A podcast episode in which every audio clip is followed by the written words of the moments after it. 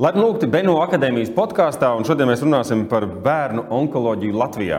Šis nav pirmais gads, kad mēs par to runājam, bet, diemžēl, šī problēma, šis izaicinājums joprojām ir ļoti, ļoti, ļoti aktuāls. Un tīpaši šajā laikā, kad uh, paralēli visiem pārējiem ierastiem izaicinājumiem vēl arī jārēķinās ar Covid-19 uh, ierobežojumiem. Un uh, jādomā, kā šajā situācijā atbalstīt gan vecākus, gan bērnus, ne tikai finansiāli, bet arī galvenokārt emocionāli. Es esmu Valdis Melders, un uh, šīs ir Benu akadēmijas podkāsts. Šodien mēs runājam par bērnu onkoloģiju.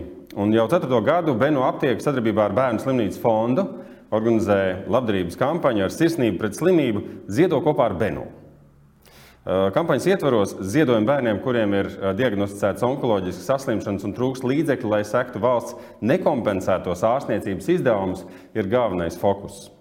Un šis atbalsts ir ļoti, ļoti svarīgs, ņemot vērā to, ka sarežģītajā, laikietilpīgajā un finansiāli dārgajā onkoloģisko saslimšanu ārstēšanas procesā ir izdevumi, kuri nav valsts apmaksāti un tāpēc eh, daļai bērnu var būt arī nepieejami. Eh, kampaņas mērķis ir nodrošināt, eh, lai bērniem būtu pieejami viss ārstēšanai nepieciešamais, kā arī aktualizēt bērnu onkoloģijas tēmu sabiedrībā, jo šī ir viena tēma, par ko cilvēkiem negribas runāt.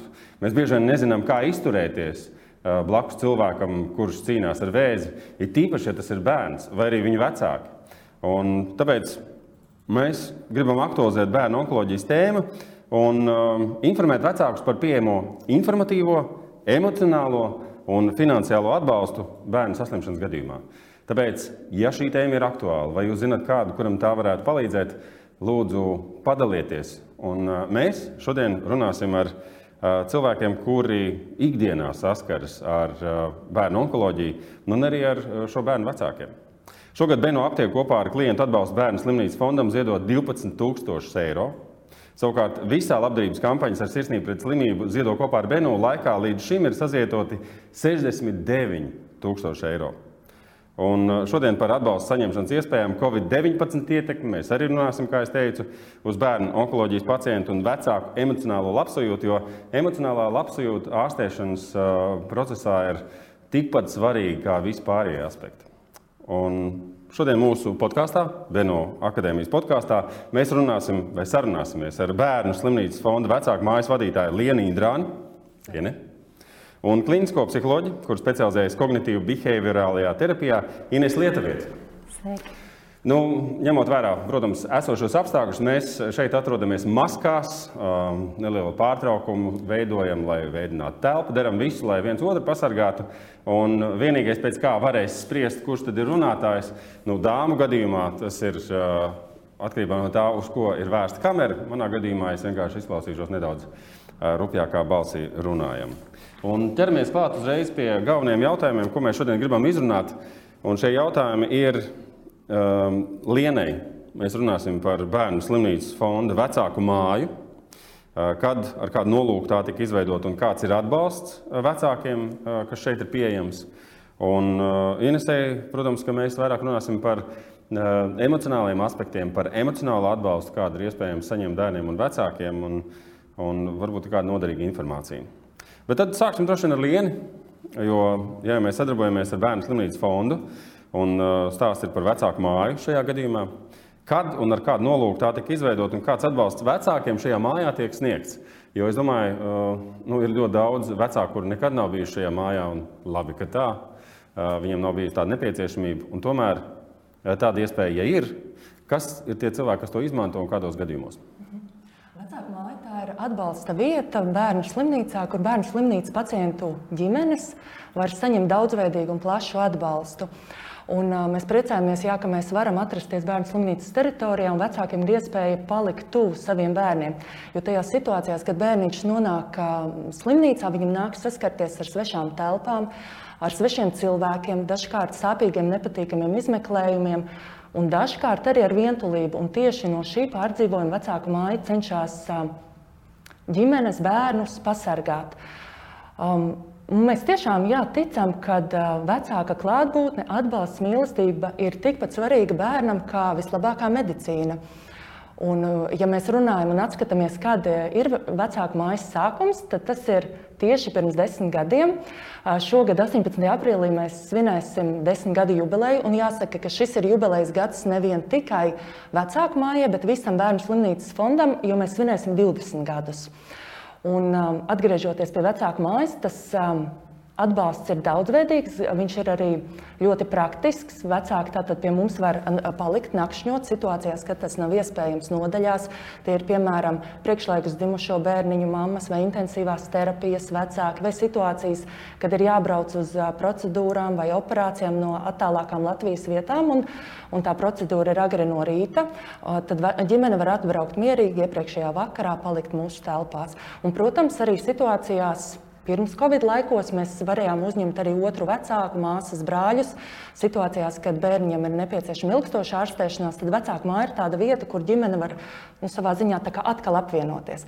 Vecāka māja piedāvā arī ļoti praktisku atbalstu, izmazgāt drēbes, izžāvēt, pagatavot. Mums ir plaša, labi iekārtota virtuve, pagatavot ēdienu, atpūsties. Jā. Un paralēli šim ļoti praktiskajam atbalstam mums ir arī uh, profesionāls psiholoģisks atbalsts, par ko Ines noteikti vēlāk pastāstīs. Uh, kapelāna atbalsts, garīgs atbalsts. Mēs rīkojam arī dažādus uh, informatīvus, izglītojošus pasākumus, rīkojam atbalsta grupas ģimenēm. Um, Jā, un tad mums ir vēl kāds īpašs atbalsta veids sadarbībā ar um, brīvprātīgiem uh, spā speciālistiem, masieriem un um, frizieriem, apstākļos, kad nav nekāda ierobežojuma. Ilgstošo pacientu vecākiem mēs varam piedāvāt tādu attēlpas brīdi, kad viņi var parūpēties par sevi un uzkrāt jā, savus, sev spēku. Mhm. Tad šobrīd tie galvenie ierobežojumi attiecas uz vecāku un, un, un tuvāko brāļu māsu skaitu, kas var nu, viņam līdzbūt. Jā, šobrīd tas ir ierobežots. Slimnīcā var būt tikai viena, viena pavadošā persona. Mm. Runājot par, um, par šo situāciju, kurā vecāki pirmo reizi uzzina par uh, šo diagnozi, kad tiek saņemta smagā ziņa, ka bērnam ir diagnosticēta onkoloģiska saslimšana, vai to, ar to vispār ir iespējams nu, emocionāli sadzīvot? Um, kā un kur vecāki var griezties pēc psiholoģiskās palīdzības tādā situācijā? Jo, protams, ka viņam tāda informācija līdz šim nav bijusi vajadzīga un nav bijusi pieejama. Uh, Ko darīt, lai nu, rēķinoties ar visu, kas stāv priekšā, vecāki varētu uh, tikt galā? Viennozīmīgi šī, šī ziņa nāk uh, kā zibens no skaidrām debesīm un burtiski es teiktu, pārlauž to dzīvi uz pusēm. Tā ir dzīve pirms saslimšanas un dzīve pēc saslimšanas. Un tajā brīdī vecāki patiešām jūtas kā mm, nezinu, uz ledus gabala jūrā. Jo ir tik daudz nezināmā, ir tik daudz um, dažādu problēmu, kas ir saistīts ar ārstēšanās uzsākšanu, uh, cik ļoti ir jāpārkārto ikdiena. Un, um, bet tā labā ziņa ir tā, ka ka visi vecāki to izdzīvo.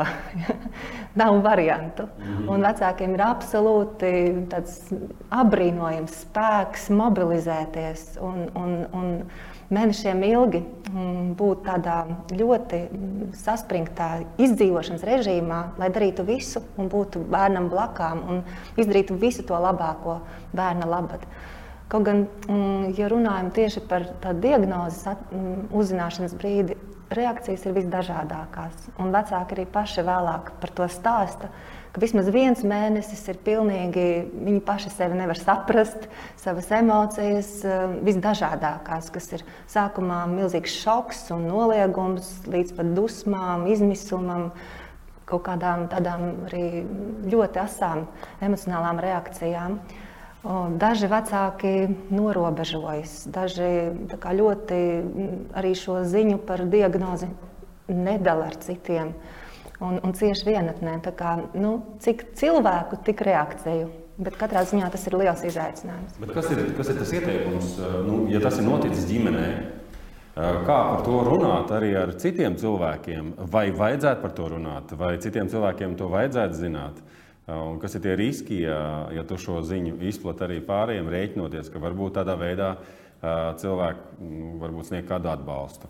Vai arī tieši otrādi labāk varbūt neteikt, jo tad nu, gluži instinktīvi pārējie cenšas norobežoties tieši tāpēc, ka nezinu, kā izturēties. Kā īsti ir? Īstenībā ģimenes ir dažādas. Un arī tie mīti, kas ir saistīti ar saslimšanu, onkoloģisko saslimšanu, ir ļoti atšķirīgi. Arī ģimeņu vēstures ir atšķirīgas. Nu, īpaši, ja tur ir kāds pieaugušais, slimojas ar onkoloģisku saslimšanu, tad, protams, tas iztēle uzreiz dara savu. Un, un, un bieži vien arī ir dažādas aizsardzības reakcijas. Un es domāju, ka katrs atrod savu veidu. Var, var, protams, kādu brīdi nestāstīt vai nedalīties, ja tu nespēji to izdarīt. Mm. Bet tomēr nu, daudz veselīgāk šķiet uh, spēja runāt par saslimšanu. Un tas jau teiktu, ir viens no tādiem psiholoģiskās adaptācijas um, signāliem, ka vecāks pamazām ir pieņēmis realitāti un viņš var ar to dalīties ar kādu um, sev tuvu cilvēku. Un, protams, tas, kas uztur arī tās bažas, stāstīt citiem par diagnozi, ir tas, ka līdz cilvēki patiešām nezina, kā reaģēt. Mm. Un bieži vien iestājas arī mm, nepareizas reakcijas, kur izmisumā ir visi, un tad vēl meklē dažādus alternatīvos ārstēšanas veidus, kas patiesībā tikai nu, ļoti, ļoti apgrūtina ārstēšanu slimnīcām. Cik daudz cilvēku vecāki izmanto iespēju saņemt šo psiholoģisko konsultāciju, jo nu, pirmā reakcija bieži vien vēl joprojām Latvijā, diemžēl, tāda, ka onkoloģija tā ir nāvējoša slimība, tur neko nevar darīt, tas agri vai vēlu beidzas ļoti traģiski. Um, cik daudz vecāku izmanto šo psiholoģisko palīdzību un um, nu, kas ir jādara pirmais, ko var darīt uh, pēc šādas diagnozes uzzināšanas, kur vērsties? Es nevarēšu teikt pareizās atbildes. Noteikti ļoti svarīga ir sadarbība ar visu ārstējošo komandu, ar ārstējošo ārstu, ar, ar, ar medicīnas personālu. Psihologs ir kā atbalsts. Un, uh, arī šeit nebūs pareiza atbilde. Vajag psihologu vai nevajag psihologu. Man ir bijuši tik apzinīgi vecāki, ka burtiski dažas dienas pēc diagnozes uzzināšanas man zvana. Ir atraduši informāciju par mani, zvana.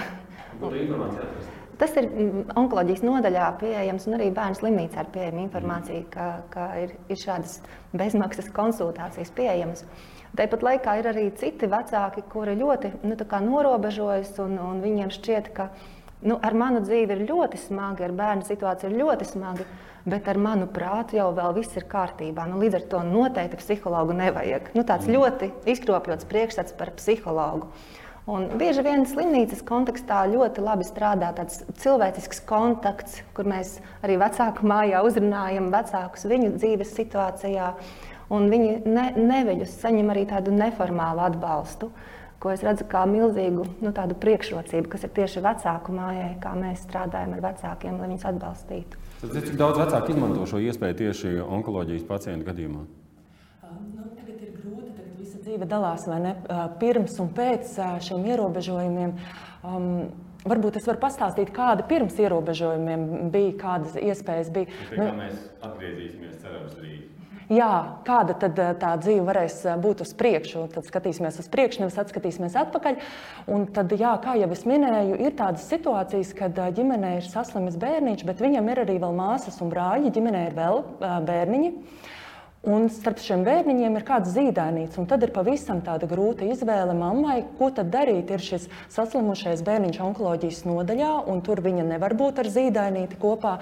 Un tāpat laikā šim, gan šim zīdainītim ir nepieciešama mamma, gan šim saslimušajam bērniņam ir ļoti nepieciešama nemazinot tēva nozīme. Tēva nozīme ir ārkārtīgi liela, un mēs redzam tiešām brīnišķīgus, rūpīgus tēvus vecāku mājā un priecājamies par viņiem.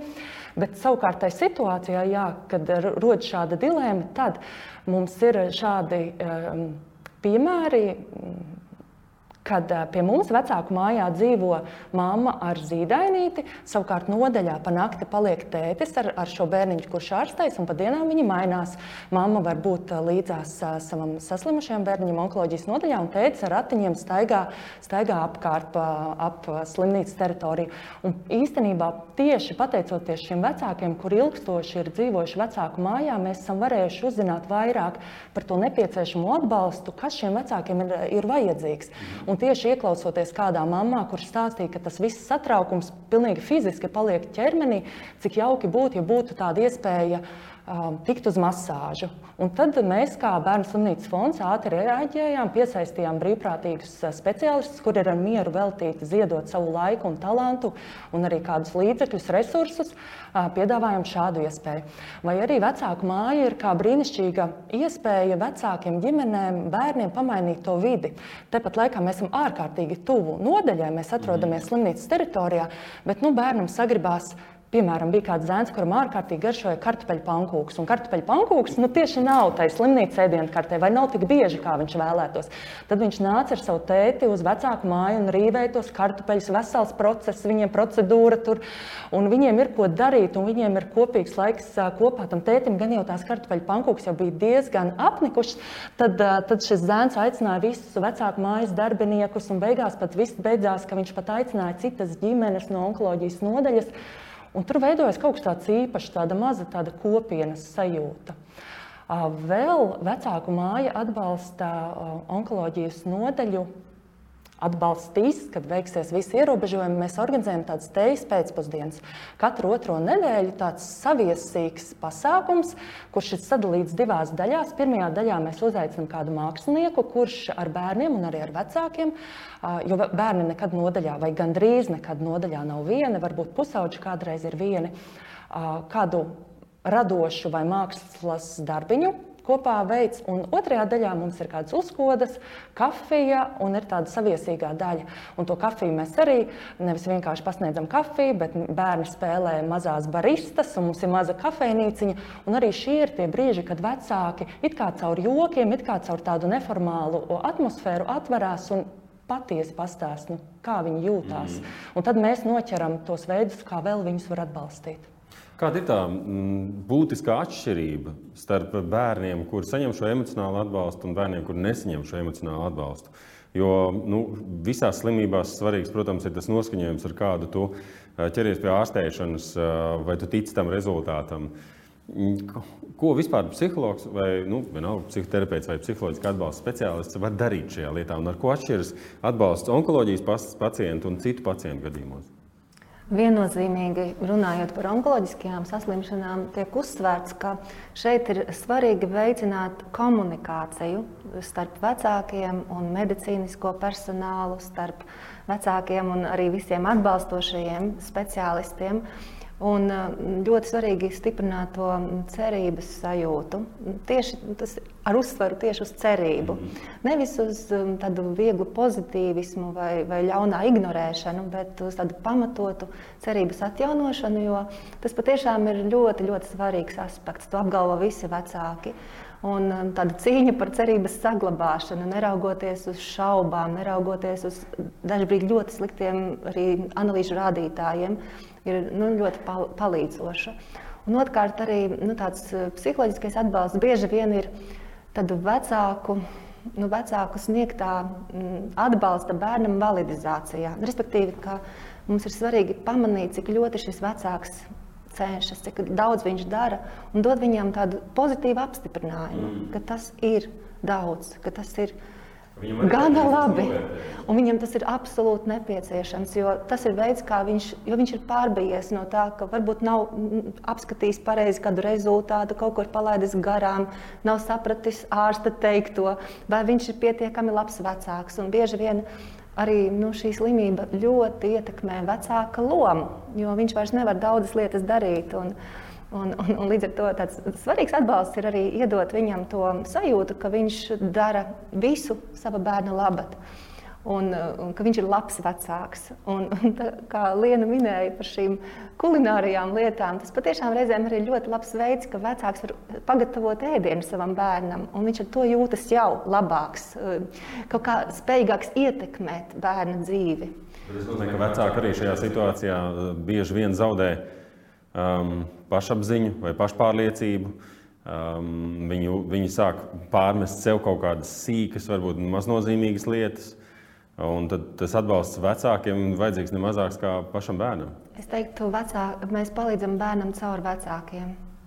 Protams, ir arī mm, slimnīcas psihologi, kas ļoti daudz strādā ar bērniem, ir, ir pedagogi, ir arī mūsu atbalsta programma, projekts onkoloģijas nodaļā. Uh, kurš tieši arī vērsts gan uz bērniem, gan uz ģimeni.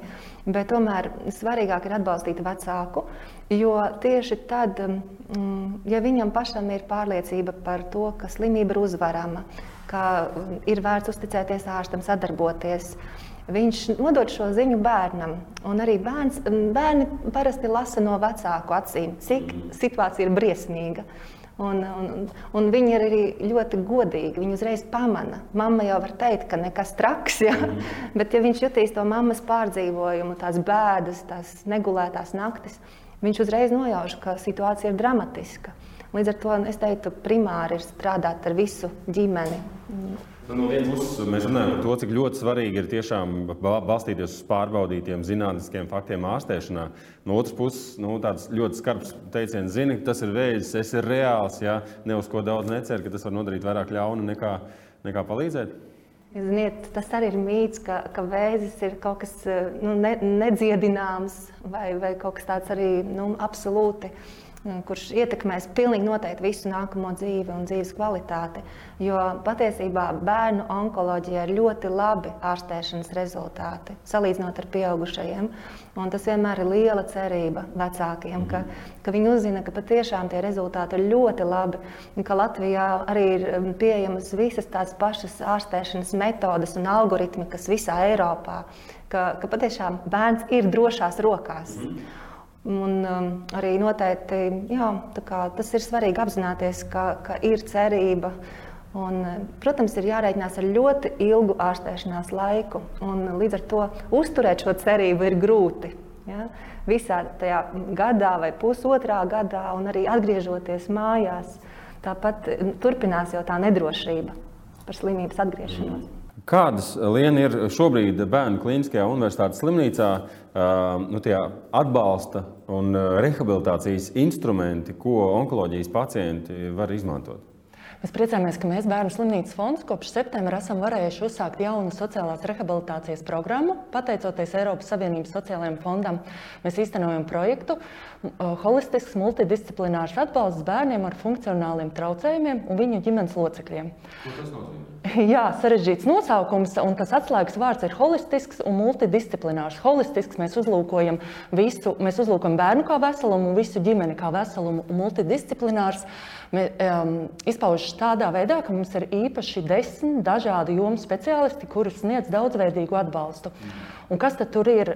Mums, mēs esam varējuši piesaistīt deju un kustību terapeitu.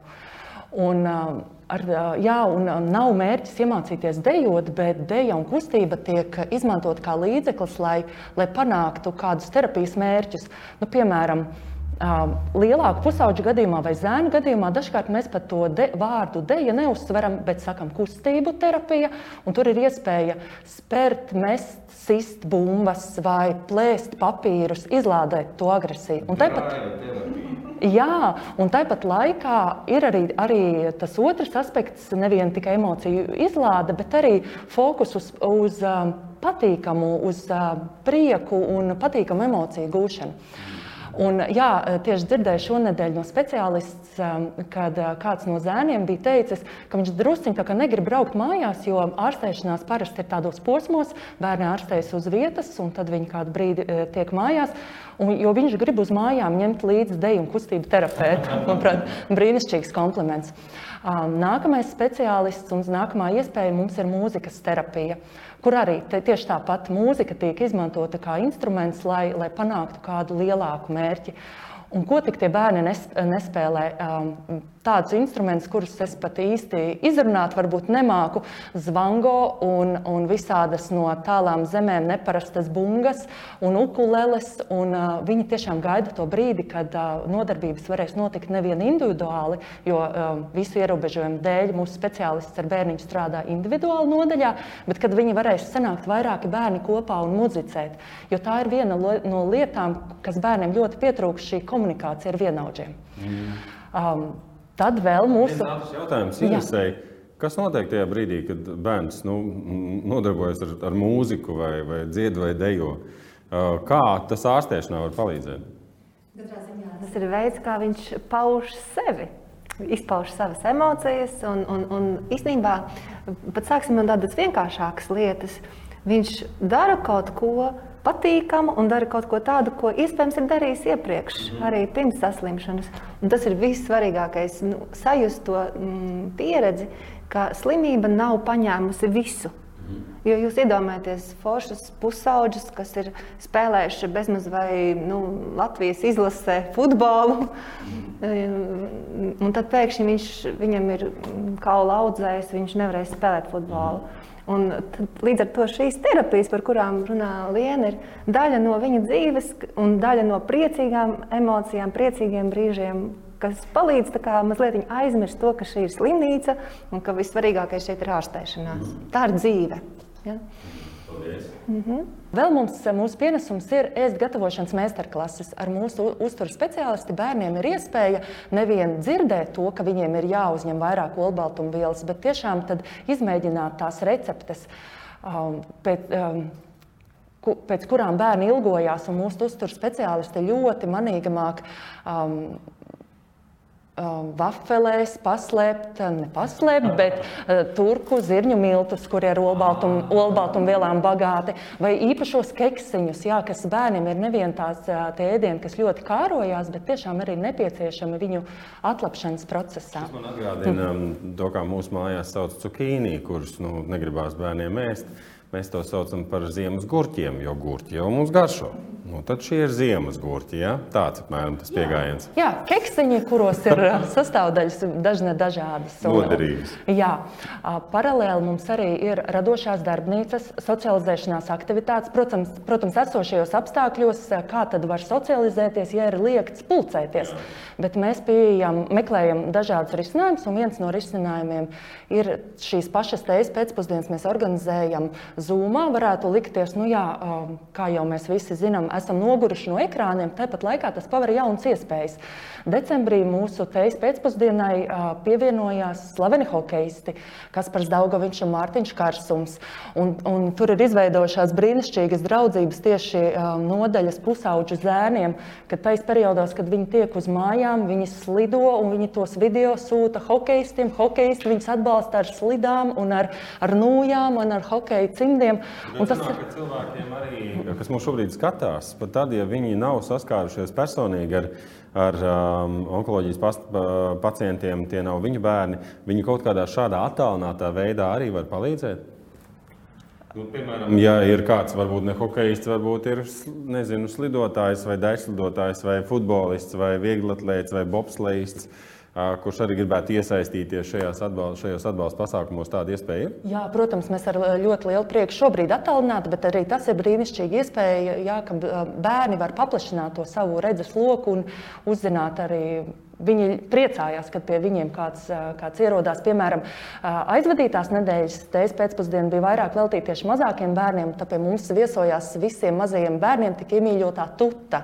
Un tad arī bija liels prieks. Un jāsaka, ka tas prieks nav tikai pašam bērnam vai, vai pusaudzim, bet arī tas vecāks kaut ko ārkārtīgi simbolisku sev paņem, ka par viņa bērnu kāds rūpējās.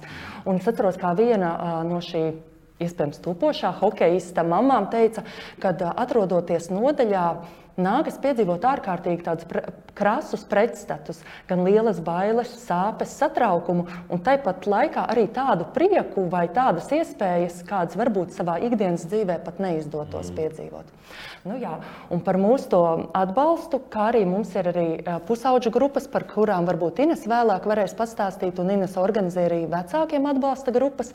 Vecākiem mums ir pieejams arī kapelāna atbalsts un arī fizioterapeita atbalsts. Slimnīca apmaksā fizioterapiju bērniem, taču vecāks jau arī ir tur visu laiku līdzās, un tas satraukums, viņš kaut kur paliek, un viņš arī ir Tie brīži ir ļoti vērtīgi, kad vecāks var arī kaut uz mirkli padomāt par sevi un parūpēties par mm. savu veselību. Ines, kā tieši notiek tas psiholoģiskais atbalsts? Kā, nu, kā tas tīri praktiski izskatās? Atbalsts gan vecākiem, gan bērniem.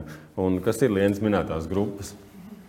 Mēs ļoti cenšamies tā atpazīt tās vajadzības un situāciju, kas ir dotajā brīdī. Un, tiešām vis, vis, vislielākais radošums šobrīd strādā kaut vai pieminētajās Zoom tikšanās iespējās, ko mēs atklājām pateicoties Covidam. Mm -hmm. Un, um, šīs vecāku atbalsta grupas ir ļoti laba lieta.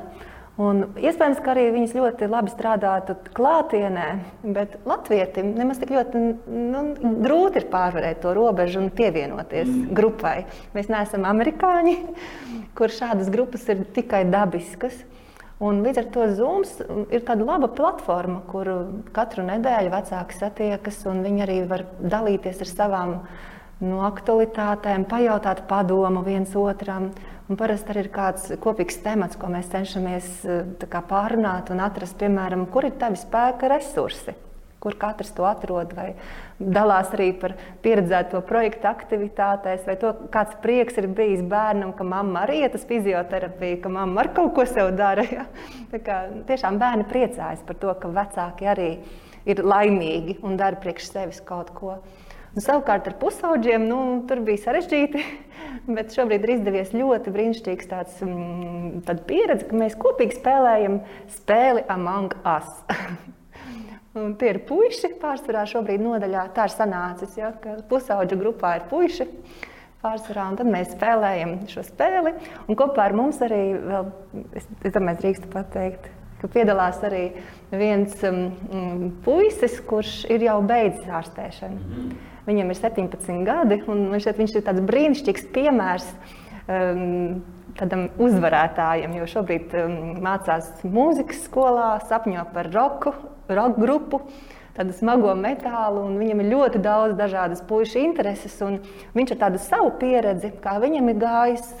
Ārstējoties nodaļā, es domāju, viņš šiem jaunākajiem puišiem ir milzīgs tāds palīgs. Jā, nu, par izteicienu absolventu klubiņš, jā. kurā, kur pirmkārt būtu dzīves piemērs tam, ka ir iespējams uzvarēt vēzi, un otrs, ka cilvēks, kurš ir izgājis tam cauri, viņš zina, kā to labāk izdarīt.